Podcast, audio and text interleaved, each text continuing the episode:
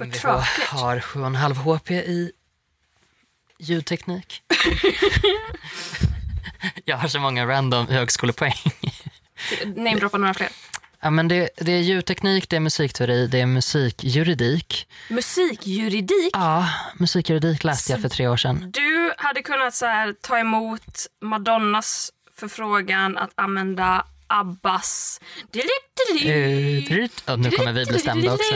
Vad sa du? Nu kommer vi bli stämda också när de hör att du sjöng så, så mycket av den. Eh, nej, men, sen har jag ju 7,5 HP i Olympens gudar. Va? Japp. Va? På riktigt? Har du läst Olympens gudar på högskolenivå? Ja, absolut. Jag har skrivit en essä om Afrodite och eh, tidiga exempel på slutshaming. Alltså, du är fan bäst. Boom. jag är en sån himla liten smygis. Kan inte du radio på oss? Okej, säg vilken låt som har varit innan då, så kan jag ava låten och på oss. Ja, men låten har ju varit I wanna dance with somebody med Whitney Houston.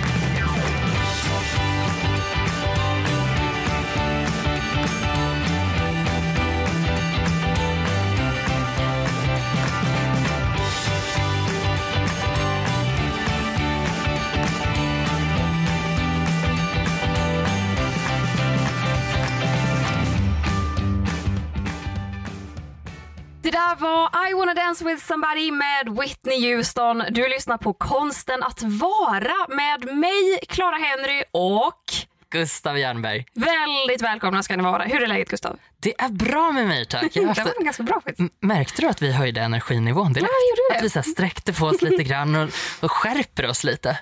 Eh, Jag mår bra. Eh, Jag eh, har eh, haft en, en skön dag med lite humana temperaturer så att jag kan bete mig som en människa och inte som en pöl med svett.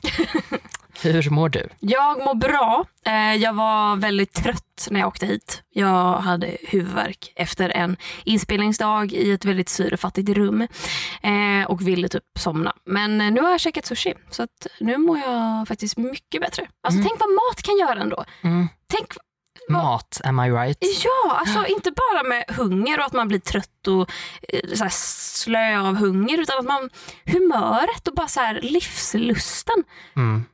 Jag var jättearg innan jag fick min mat. För jag förstår inte varför folk använder, när jag beställer mat så är jag ganska utsatt för att jag är glutenintolerant. Jag vill att alla ska flytta på sig och bara låta mig do my thing.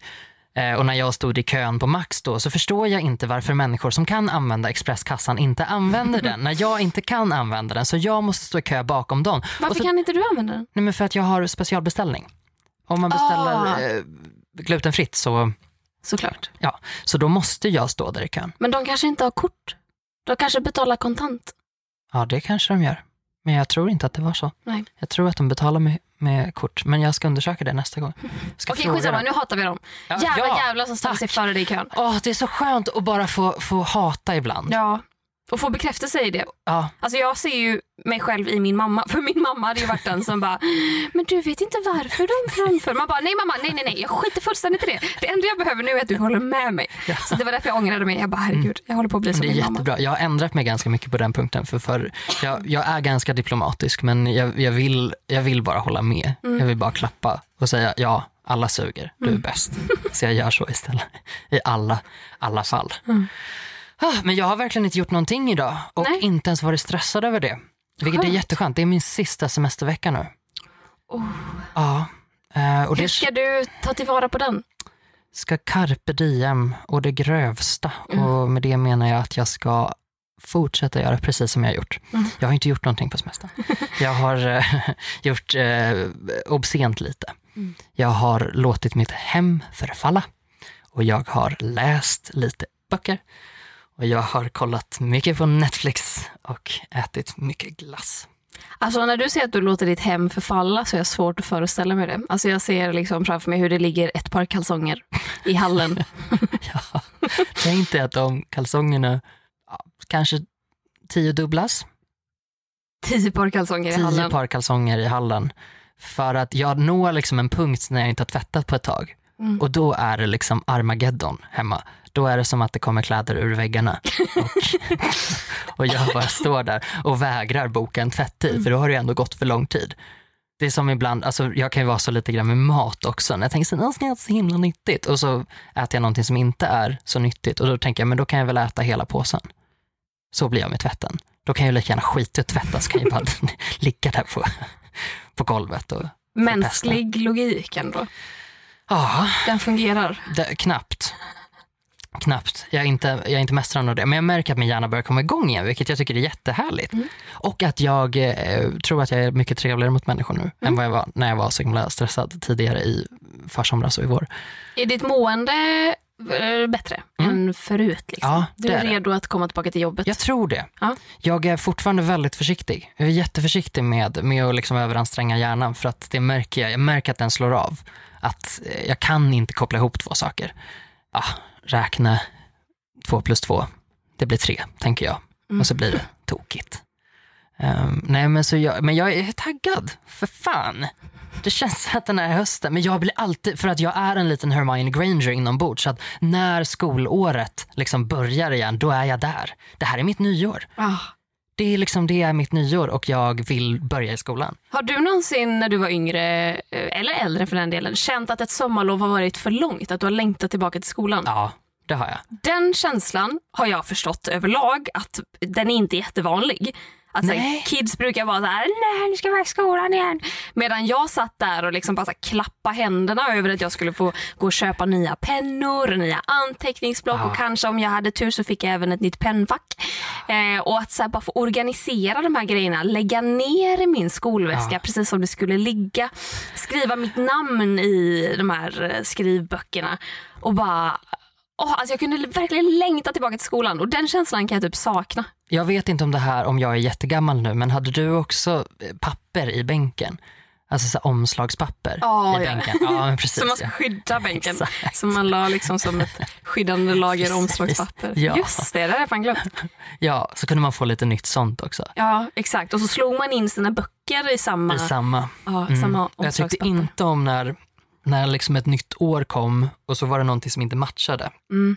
Jag var tvungen att byta omslagspapper på allting. Mm. Ja, det var inte jag i och för sig. Nej, lite chill där. Ja. Skön, skön brud ändå. Ja. Som inte ja. bytte. Nej men det var väl mer så här när man fick en historiebok och så hade den det här. du- Mamma köpte alltid typ lite så här rockiga omslagspapper. Att det kunde vara så här grönt 3D med liksom Oh. zigzagmönster. Trendigt. och att det liksom så här, det var lite men det var som att det poppade ut lite, lite, lite metallic eh, Ja, det var lite coolt så här. Mm. Eh, och, och, och det slog jag ju in allting med. Men fick man då en bok när fröken delade ut och den här boken var inslagen i bara transparent Mm. plast. Mm.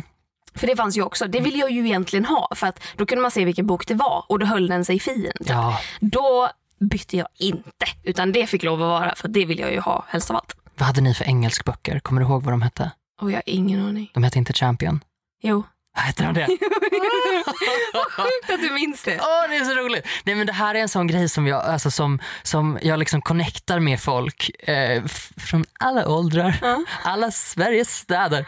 Alla har haft Champion. Ja. Och så fanns det en låt som hette Ghost of Forest Manor. Ja! som var så bra. Åh Jesus, jag får så jävla flashback nu. Ja.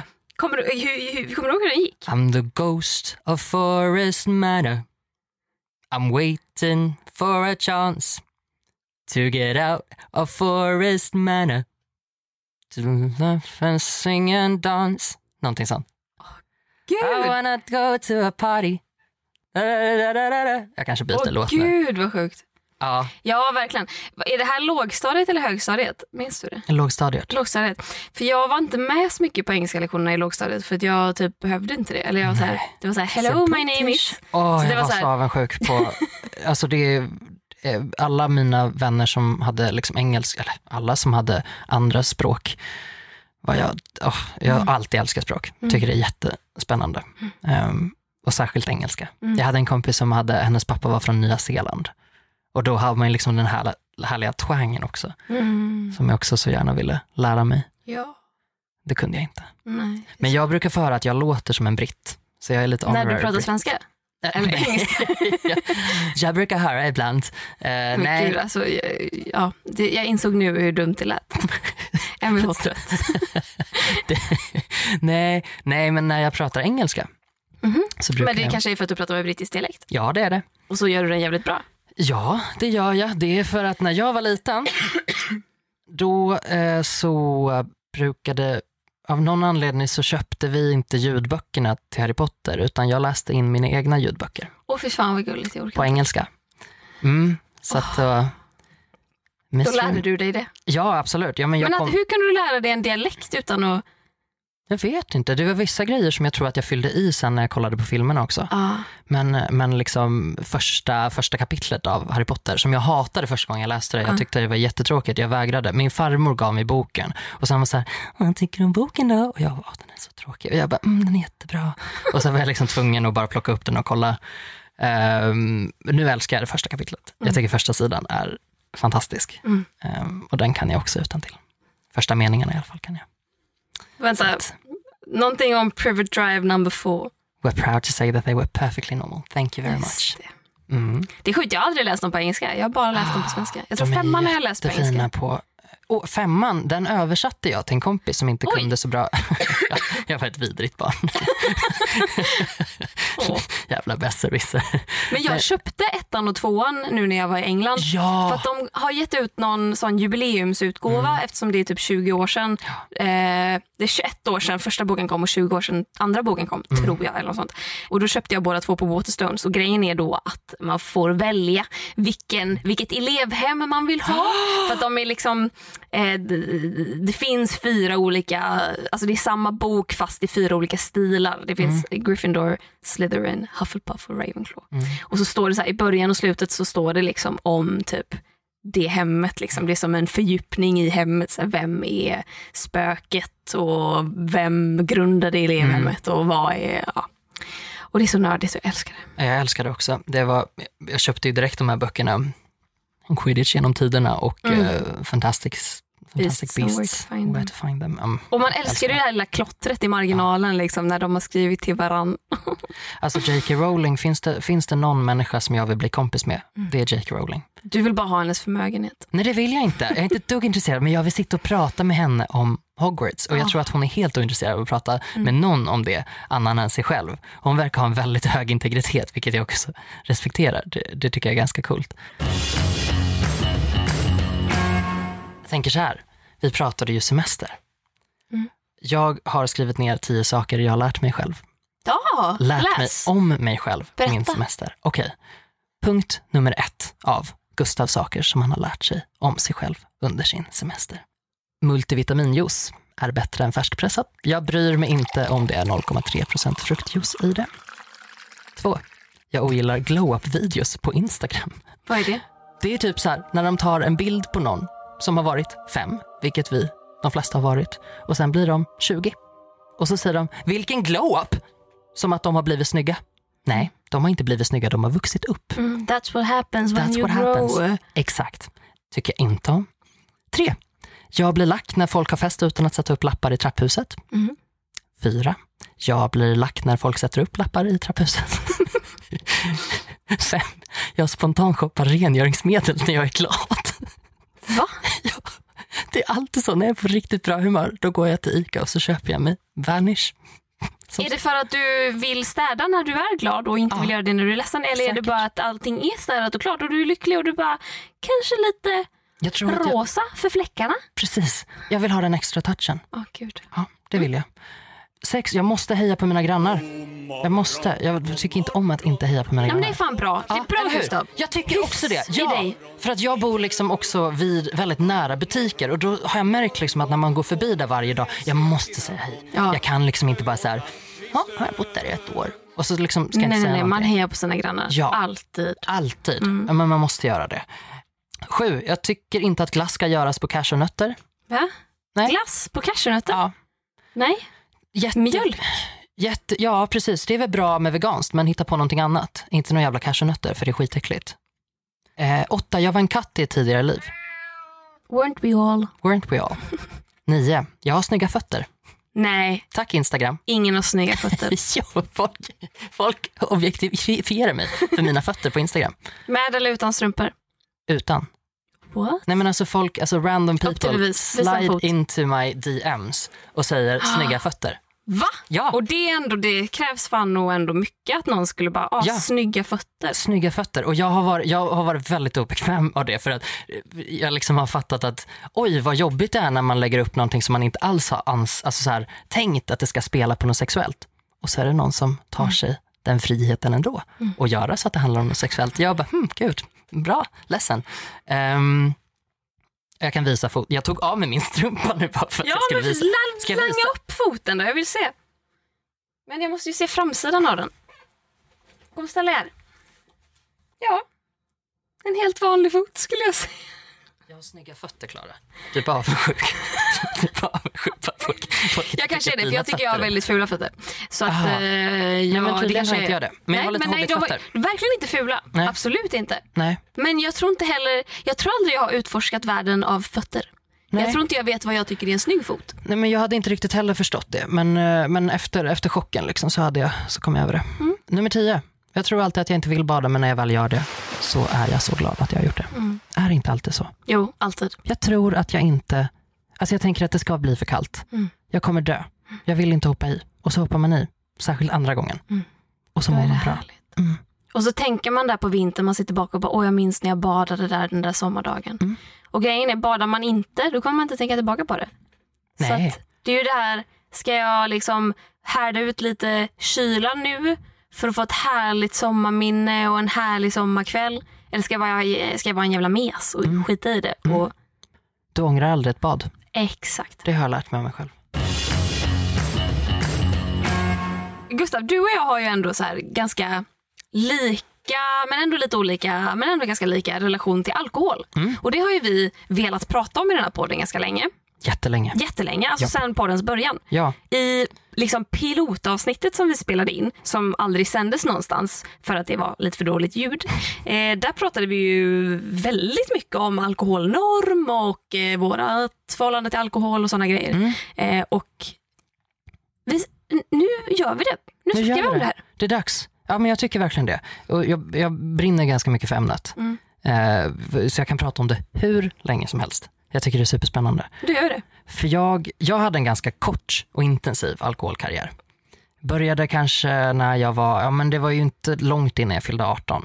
Och sen så bara brände jag på å det grövsta och jag kan fortfarande komma ihåg första gången jag var full. Mhm. Och jag hatade det. Men jag fortsatte. Och varför fortsatte jag? Jo, för att det finns en väldigt stark alkoholnorm. Jag har ju aldrig blivit ifrågasatt för någonting så mycket i mitt liv som de senaste fyra åren då, sedan jag slutade dricka. För nu är det fyra år. Nu är det fyra år. Gratulerar. Ja, tack så mycket. Ja men precis, jag ehm, försökte leva, leva det här livet då man tycker att det är så dejligt att ta ett glas vin. Men eh, för mig och för många med mig så blir det aldrig ett glas vin, Eh, det blir en box. Och med alkoholnormen som finns så är det okej också. Då förväntas man det. Hellre att man, alltså det är ju konstigare att låta bli att dricka helt i folks ögon än vad det är att man dricker upp en hel box vin och typ spyr på förfesten. Mm. Det var det aldrig någon som ryckte på ögonen. Ryckte på ögonen. Ryckte, um, ryckte på, vad heter det? Lyfte på ögonbrynen. Ja, höjde ögonbrynen. ryckte på. Så bara spasmade Random vibrationer. Ja, nej men det, det som jag tänker att vi har gemensamt är just den här frustrationen över varför förväntas det så himla hårt av mig att jag ska dricka. Mm. Och det jag märkte när jag slutade dricka då efter ganska, det var, det var några ganska svåra år för mig. Jag drack väldigt mycket och jag drack av helt fel anledningar. Så jag drack för att dämpa saker. Och eh, inte minst det sociala. Tyckte det var jättejobbigt med sociala grejer. Och, så, och det var ju ingen som tyckte att det var något konstigt om man kom och var full. Eh, Det var ju bara, då var man ju bara roligare. Mm. Då är man lite skön. Ja, Sen, men gud, ja. vad lustigt, du kommer full. Haha, fan vilken sköning. ja, men precis. Mitt brand nu som totalt oskön, som Mm. inte klarar av någonting. Liksom. Eh, som inte vill klara av någonting heller. Men det är ju den där grejen med att tappa kontrollen, tänker jag. Ja, man hatar den, eller vi hatar den Vi tror jag, vi båda två. Alltså, för jag har också känt så, jag började ju inte dricka förrän jag var 18. Alltså jag hade druckit ett par gånger innan men jag blev aldrig full. Nej. Jag var verkligen så här super, super. Jag har ganska sträng uppfostran på den fronten Mm. och bodde dessutom i Tahult där bussarna gick en gång i timmen och typ så slutade gå klockan 11 på kvällen. Så det var alltid så här, skulle man iväg någonstans då kom pappa och hämtade och då var det så här, ja, det fanns liksom inte riktigt möjlighet att typ experimentera och hade det funnits det hade jag säkert gjort det.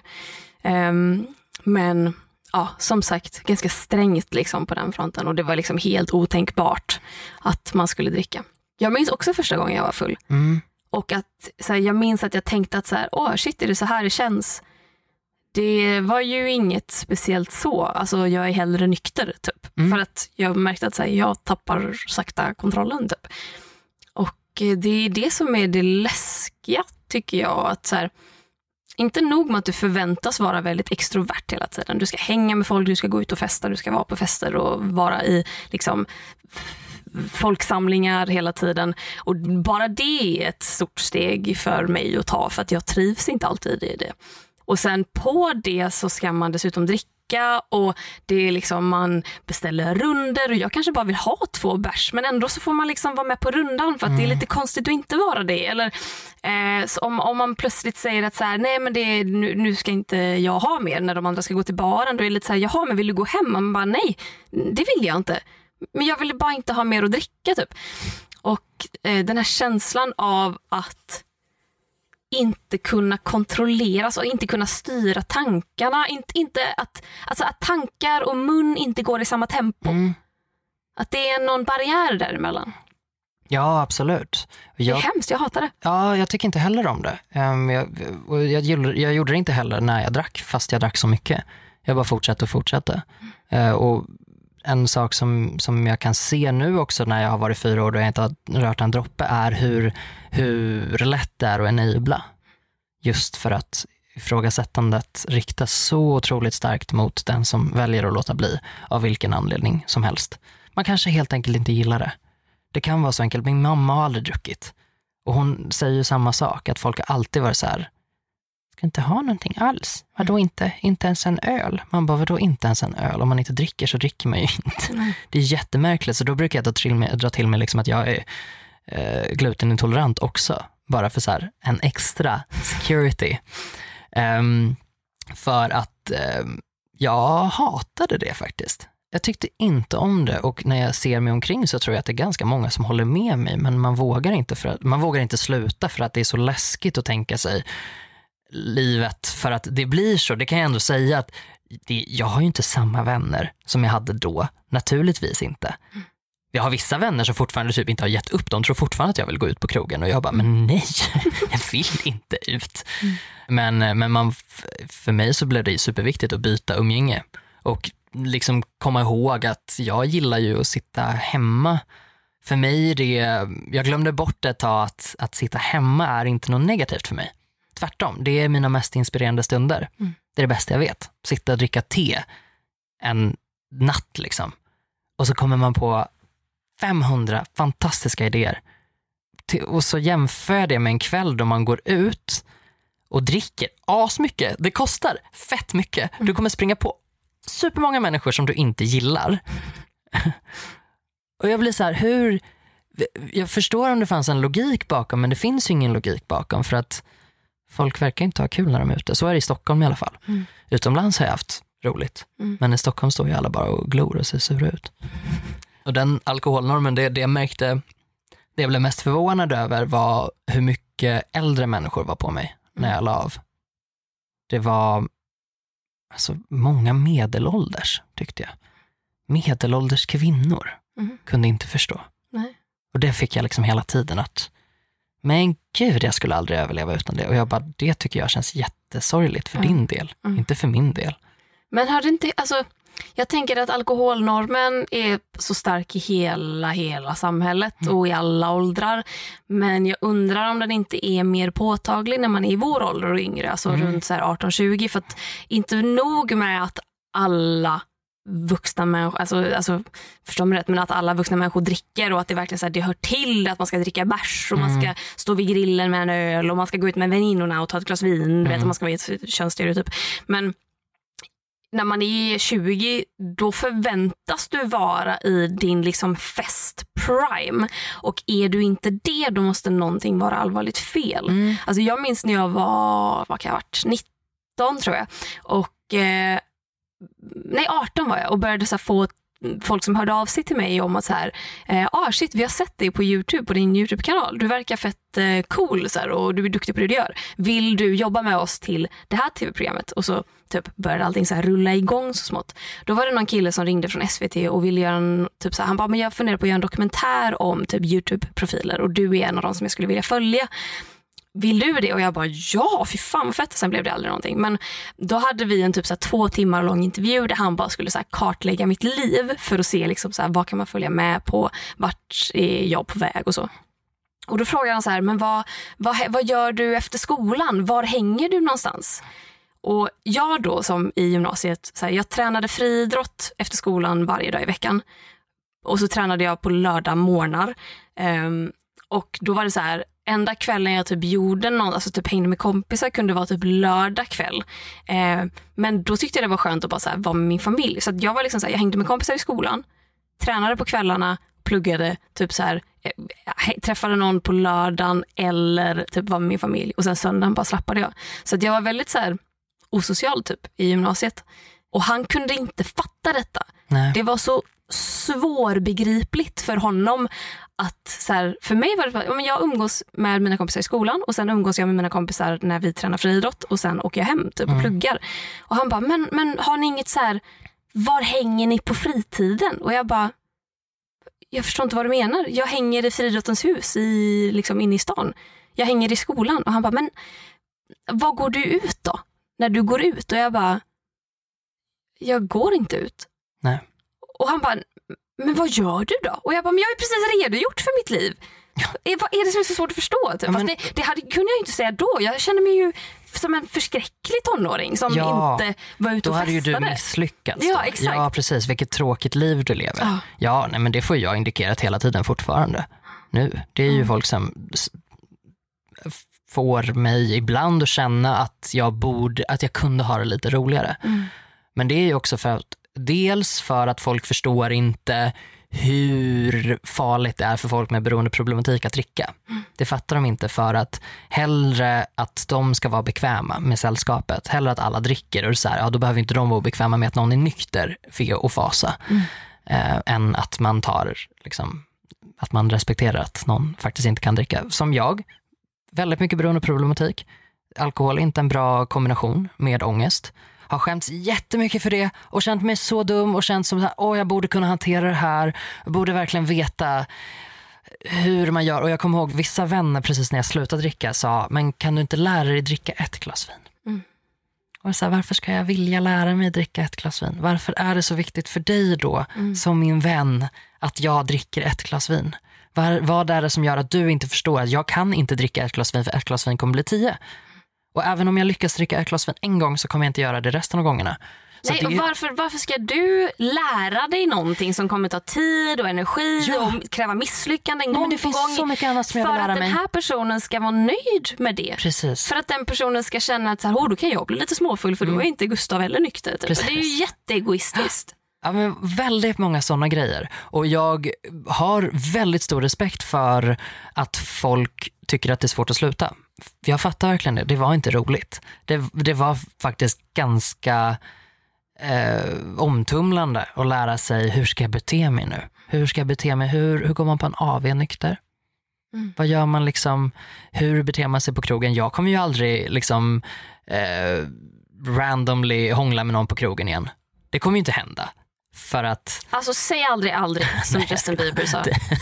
Men du kan vi backa bandet lite? ja det kan vi absolut göra. Vad var det som fick dig att ta steget och bli nykterist? Alltså hade du tänkt på det länge eller var det bara ett avgörande moment? Mm, det, var, det var ett avgörande moment. Jag hade tänkt på det länge. Det var ganska uppenbart att, att jag inte var gjord för att dricka. Det hade märktes. du försökt tidigare? Eller? Nej, inte, inte full on tror jag. Säkert den där vanliga grejen att nu ska jag inte dricka på en månad, en vit månad. Eh, Problematiken med vita månader är ju att när vita månaden är slut så tar du igen det, det du har missat. Så så kunde jag väl göra. Nej men det, det, det, det byggdes upp av, eh, lite självförakt skulle jag säga. Att jag, att jag kände själv att jag beter mig inte som jag vill göra. Jag har ingen kontroll över hur jag är. Jag trivs verkligen inte med personen jag är när jag är full. Och det är inte bara att jag betedde mig illa, utan det var att jag betedde mig någonting som är, alltså jag var mer utåtriktad. Jag är ganska utåtriktad men, men det blev liksom, du vet, det liksom pushade lite för mycket. Så jag kände alltid en sån enorm bakisångest dagen efter. Säkert flera dagar också. Jag tror jag har haft bakisångest liksom från ja, men lördagen till nästa fredag. Och sen kanske den släppte lite och då var det så här, men gud vad skönt, nu är det helg igen, då kör vi liksom. Mm. Så att det hade byggts upp. Jag hade haft en period då, då jag bodde i London och där kunde man ju liksom leva lite fritt och ha det, ha det dejligt liksom. Um, och hade väl helt okej kul där emellanåt. Uh, men sen när man kom hem så bara, det liksom skavde i mig. Att det här, det känns inget bra. Jag kan inte lita på mig själv. Um, jag gör av med massa pengar på någonting som jag inte ens har roligt av. Alltså jag menar, det får man göra om man vill. Pengar kan man ju liksom bränna om man tycker det är kul. Men eh, ja, um, så just det utlösande faktorn var en riktigt, riktigt hemsk utgång. Mm. Alltså det var, den var, det var verkligen sådär, det var förnedrings, uh, förnedringens förnedring tycker jag för att jag blev så packad så att jag spydde liksom framför bartendern. Mm. Uh, och det är ju inte nice. Och sen ju, ju, fler år som har gått så har jag liksom lagt till massa pusselbitar och blivit ganska arg. Arg på mig själv och blivit arg på vänner som var så här, tyckte ni att det var okej okay att jag var, låg liksom ute i en buske någonstans eh, och kräktes medan ni gick in på krogen? Det, det är många sådana grejer som liksom har fallit på plats väldigt mycket och sen också att jag blivit jätteförbannad på normen. Att det förväntas så stenhårt och det gjorde att jag, för från början var det inte meningen att det skulle vara en, en jag, vet inte, jag visste inte om det skulle bli permanent eller om det skulle vara liksom bara under en period, nu måste jag chilla. Nu har jag liksom tagit i lite för hårt ett tag. Men ju, ju mer tid som gick desto mer förstod jag hur trött jag var på att göra de här grejerna som går så helt emot min natur. Liksom. Mm. Uh, men så den utgången är jag ju glad att det är så länge sedan. Den känns som att det är liksom åra, åratal sedan. Mm. Fyra år sedan. Fyra år sedan, ja. Det känns som att det är mycket längre sedan faktiskt. Ja. Det gör det. Men det är annan, ett annat liv ju. Det är en annan typ av liv som, ja. som du har hoppat in i. Ja, men alltså, verkligen. Som du har valt snarare. Som jag har valt och det är jätteskönt. Och också hur viktigt det är. Jag kan tänka för att jag vet eh, det bästa jag vet på något sätt som, som har hänt med att att jag har varit så aktiv i mitt avslut och har pratat om det. Jag började prata om det ganska tidigt och sen har det liksom smugit sig fram mer och mer. Uh, men det är när folk kommer till mig, folk som jag kanske inte känner så bra eller folk som jag känner bra och har sagt att när vi pratade om det så fick det mig att sluta dricka. Mm. Det är fan i mig det coolaste som någonsin kan hända för att det är verkligen så värt. Det är så värt att lägga av. Alltså det är verkligen särskilt om du har problem med att sluta alltså när du väl börjar. Jag kan säga att livet är så mycket bättre. Och jag tror att det skulle vara bättre även för folk som, som bara inte gillar det. Som inte liksom har beroendet mm. i sig. Mm. Men det är också väldigt eh, ansträngande mm. för att folk kommer ifrågasätta och undra varför då? Och i början så kanske det inte är så himla roligt att säga nej men jag dricker för mycket för att då folk trodde liksom inte riktigt på mig heller. De var såhär, vadå dricker för Du har väl aldrig druckit för mycket? Och jag bara, men gud ser inte de här människorna det? Förstår de inte att det är att dricka för mycket när man konsekvent inte blir insläppt på klubbar? Men vet du vad, jag tror inte det. Mitt gäng liksom som jag mm. umgås med, vi är lite uppdelade 50-50 i så ena hälften som är som jag som verkligen så här föredrar hemmakvällar, bara så här chilla, ta det lugnt, prata, käka chips.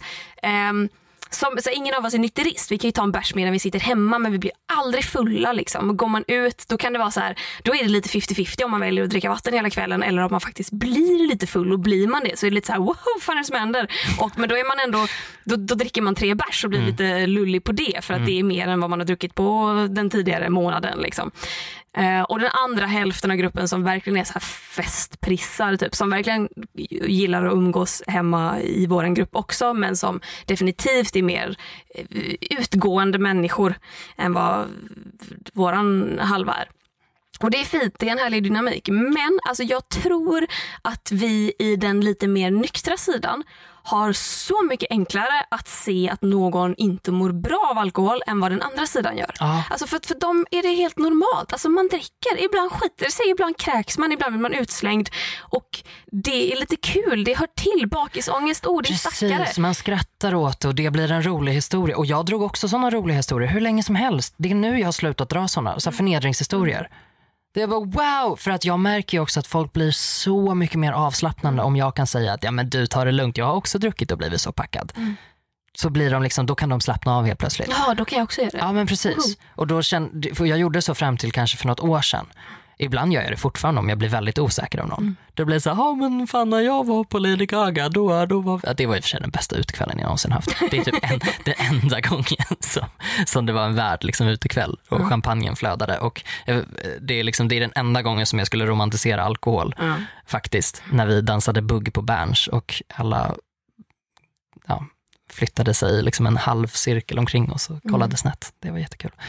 Eh, nej, men jag tror också det, för jag kommer också ihåg att jag hade väldigt svårt att förstå. Det, det, jag vet ju det. Jag vet ju det egentligen. Eh, men jag trodde inte, jag kanske inte hade förväntat mig att det skulle vara så många som hade så svårt att förstå. Mm. Eh, eller svårt att se. Men det är väldigt jobbigt. Det är väldigt jobbigt fortfarande. Jag, det har gått fyra år för mig. Jag har fortfarande svårt att erkänna att jag tyckte att det var ett problem. Så att för någon som är mitt uppe i det, det är ju inte, det är inte chockartat att, att man inte vill erkänna det och kan erkänna det. För att samtidigt har man ju också sitt posse med folk som troligtvis äggar på en. Jag hade en kompis som enablade mig jättemycket, alltså väldigt mycket. Som verkligen såg mig i alla, alla faser av eh, dyngrak. Ehm, och som ändå ville att dagen efter att nu går vi ut igen. Mm. Och du vet man kunde supa bort mobilen och man kunde tappa kortet och ändå så var den här människan på igen. Nu ska vi ut igen. Vi löser det, vi Då löser har man ju pengarna. samma problematik själv. Ja.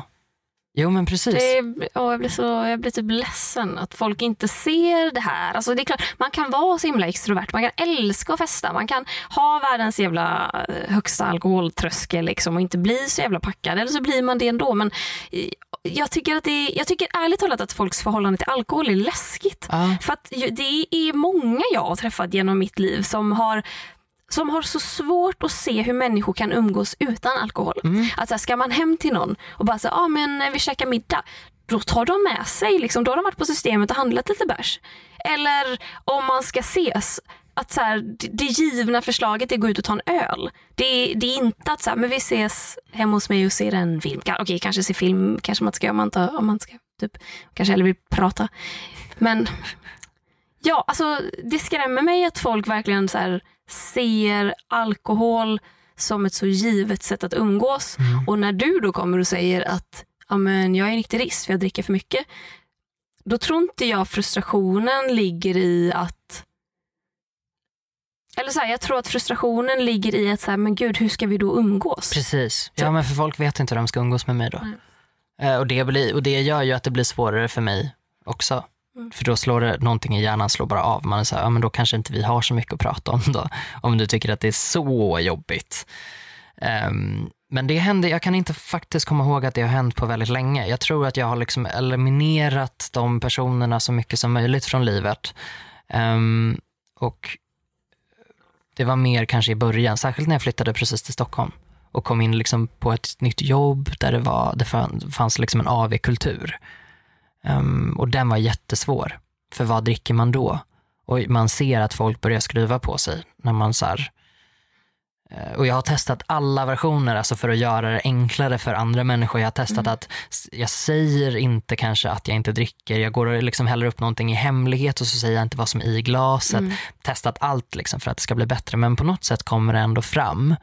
Och då blir folk obekväma. Och då blev jag ju förbannad också till slut när jag hade gjort så. När jag bara, vad, vad håller jag på med? Jag måste ju på något sätt vara en av dem som banar väg för att normalisera, vilket är så sjukt, att jag ens ska behöva... Det är ingen som dricker när de föds. Alltså det är ju någonting som vi lär oss göra. Och rimligtvis borde vi alltså kunna vara utan det, tänker jag. Mm. Det är liksom inte så här, det är inte en mänsklig rättighet eller skyldighet att dricka, men folk beter sig lite så Mm. ibland. Och när de pratar med mig så, så De byter ton. Jag kan bli så ledsen av folk som propagerar för att alkohol ska sälja, säljas liksom på andra ställen än systemet, Mm. liksom i livsmedelsbutiker. Mm.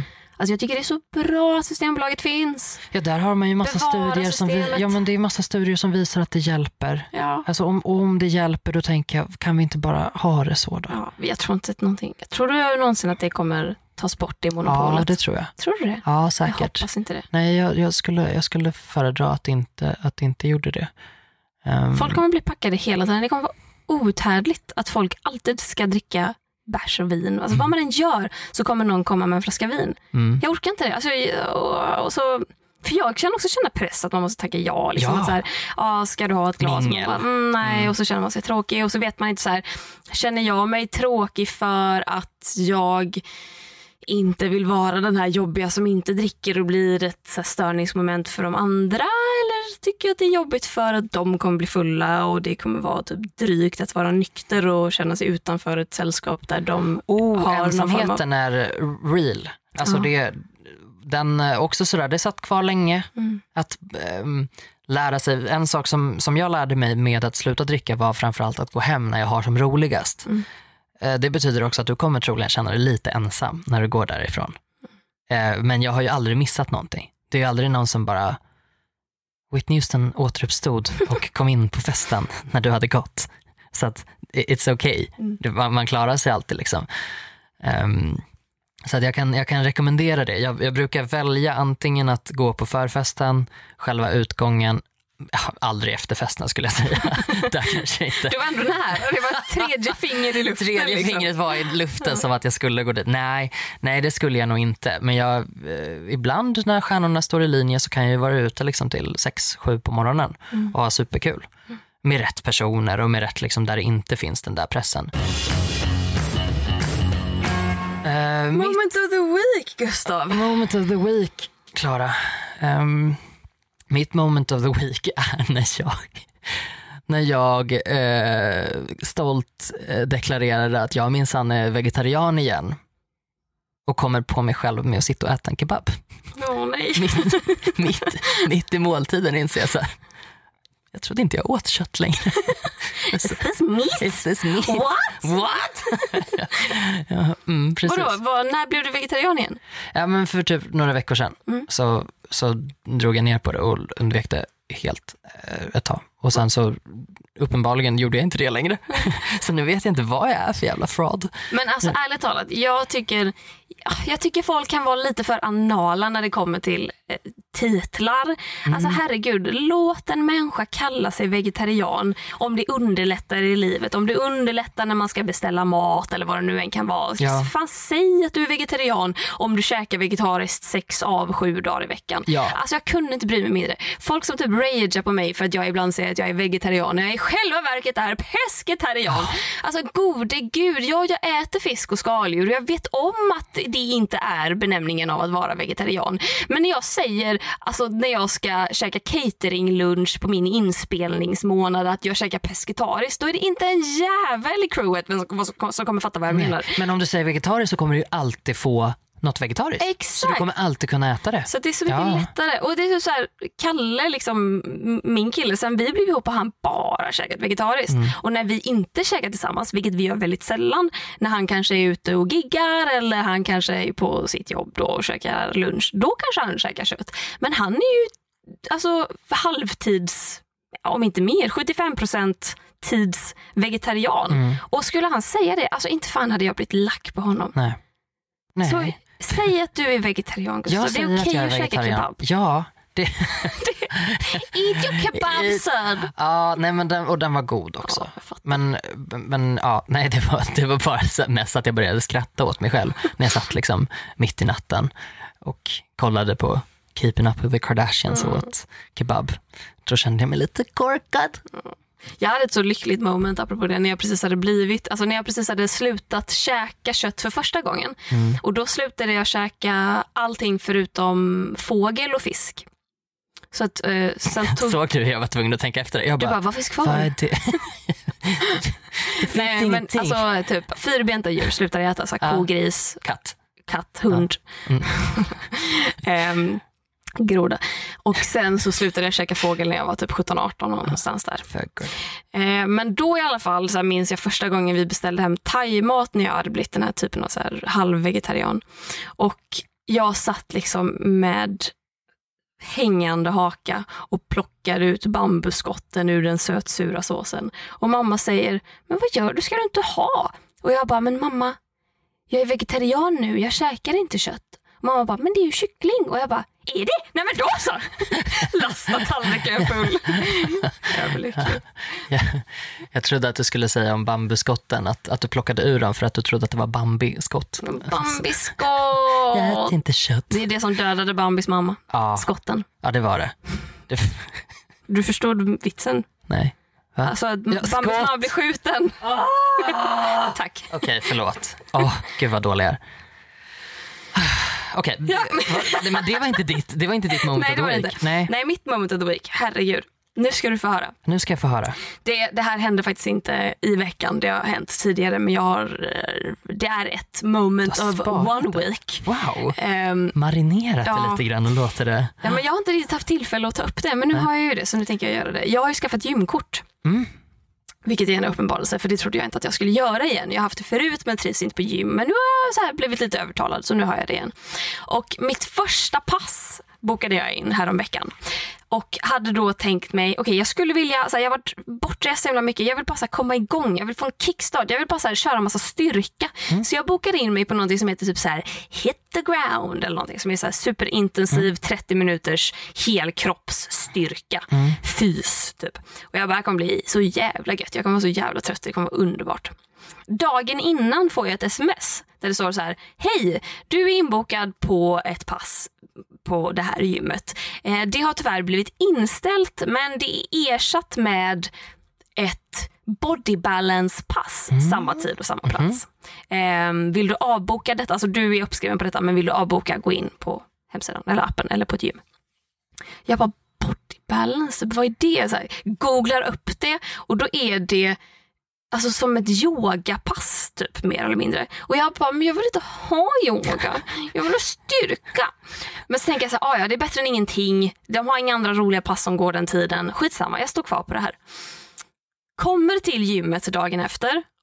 Går in genom dörren och det första som händer är att tjejen i kassan tittar på mig och bara, har du fått ett sms? Jag bara, eh, ja om passet nu eller? Hon bara, ja exakt om Bootylicious-passet. Och jag bara, nej, om body balance-passet. Och hon vänder sig mot någon kille som står bakom henne och bara, "Ha, då har Johan skrivit fel till alla. Och jag bara, jaha. Och hon bara, jag ber så mycket om ursäkt. Vill du att jag ska kolla om det går något body balance i resten av stan som du kan skriva upp det på? Och jag bara, nej alltså jag vill verkligen bara röra på mig. Vad är bootylicious? Och så börjar den här killen som står bakom då, som är instruktören. Han bara, ja men det är 30 minuter och det är 12 olika övningar. Och jag bara så här, det säger mig ingenting, jag vill veta vad för typ av övningar. Men absolut, så här, jag går ner och byter om. Så att jag gör det, kommer upp till eh, själva salen där vi ska vara. Det är jag och två till. Alla andra har då hoppat av. Så det är jag, en medelålders kvinna och en äldre kvinna. Som står i 30 minuter och gör squats. Oavbrutet squats i olika konstellationer. Squats med en vikt, squats med ena benet fram, squats på sidan. Alltså det är så tungt. Min rumpa var så mör så att när jag skulle gå därifrån, och det här är då mitt moment of the week. Ja. Ett svagt ögonblick i, mitt, i min vecka. Jag kunde inte gå och det var liksom direkt efter passet. Det här är ingen träningsvärk. Det här är ett, liksom, känslan av att mina muskler finns inte kvar. Jag vet inte vart de har tagit vägen Nej. men jag kommer inte ihåg hur man går normalt. Jag ser ut som en jävla fjant. Alltså jag kan visa. Det kommer inte gå att se nu för er som lyssnar. Det var som att mina... ska jag, får jag filma?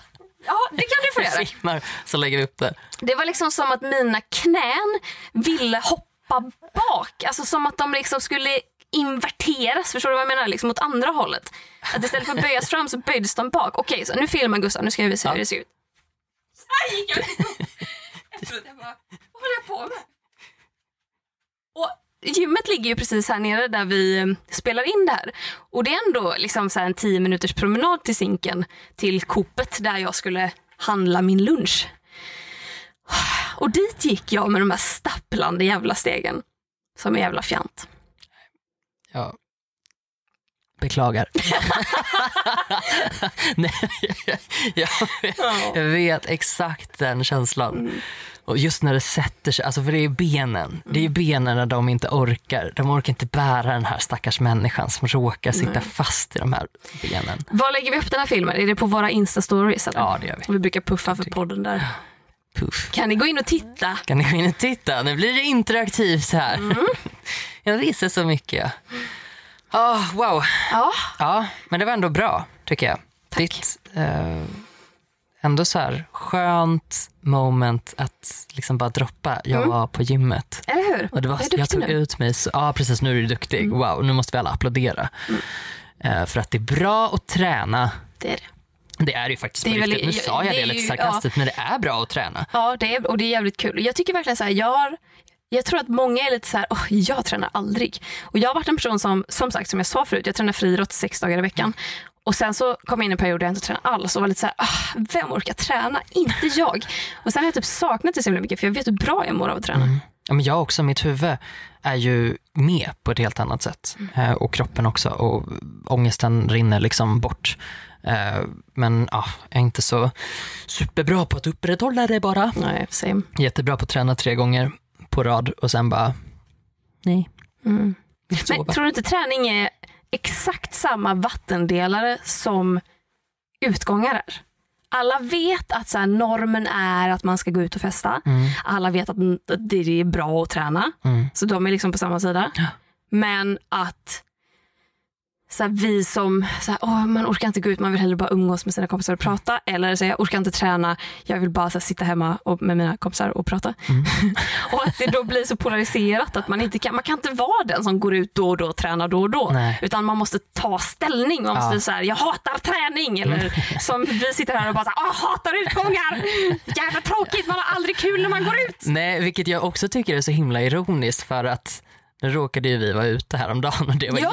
jättekul. Och jag har jättekul Ja, det när jag går jag ut. Alltså, jag har verkligen det. Jag kan tycka att det är skithärligt att bli lite småfull emellanåt. Ja. Men det är ju det här, man måste ju generalisera. Jag tycker pangfyllorna är de värsta. Alltså, jag hatar att vara bakis. Men Jag tror också att vi kanske hatar attityden som finns omkring de här grejerna Ja. lite mer än själva grejerna. Det är mer liksom så här, jag kanske vill gå ut men jag kanske inte vill gå ut när du tycker att jag borde vilja gå ut.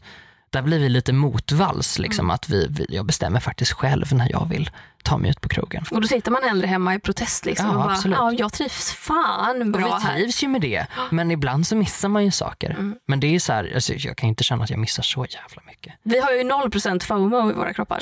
Fear of missing out. Det är inte en del av vår verklighet. Åh gud, ja tyvärr är den ju det fortfarande. Det kickar Är det igång. så? Ja, det kickar igång. Det gör det faktiskt. Jag är snarare lite glad att jag missar. Jag orkar inte vara Mm. med på allting. Nej, Hej då, ha det så kul. Hoppas ni upplever någonting. Hoppas Mariah Carey kommer in. då hade jag ju dött. Då hade då hade jag kanske också. Då hade jag krackelerat som Voldemort. Gud, på tal om det, jag har inte moisturizat. Då känner jag mig Nej, alltid som Voldemort i sista scenen. Ja, du vet när han bara går sönder och liksom försvinner ut i luften. Men ska vi tacka för idag? Då ska nu gå hem och moisturisera. Det kan vi göra. Ja. Jättebra. Jättebra avslut. Tack. Då går jag hem nu. Jag letade efter den. Det var bara därför vi avslutar, annars hade vi kunnat fortsätta prata. Vi avslutar nu. Tack för den här gången. Det här var Konsten att vara med mig, Clara Henry och Mig, Gustav Jernberg. Mm. Tack för att ni har lyssnat. Tack så jättemycket till I Like Radio för att vi var här och spela in. Och tack till Rickard som klipper den här poddbebisen. Puss! Puss. Hej då.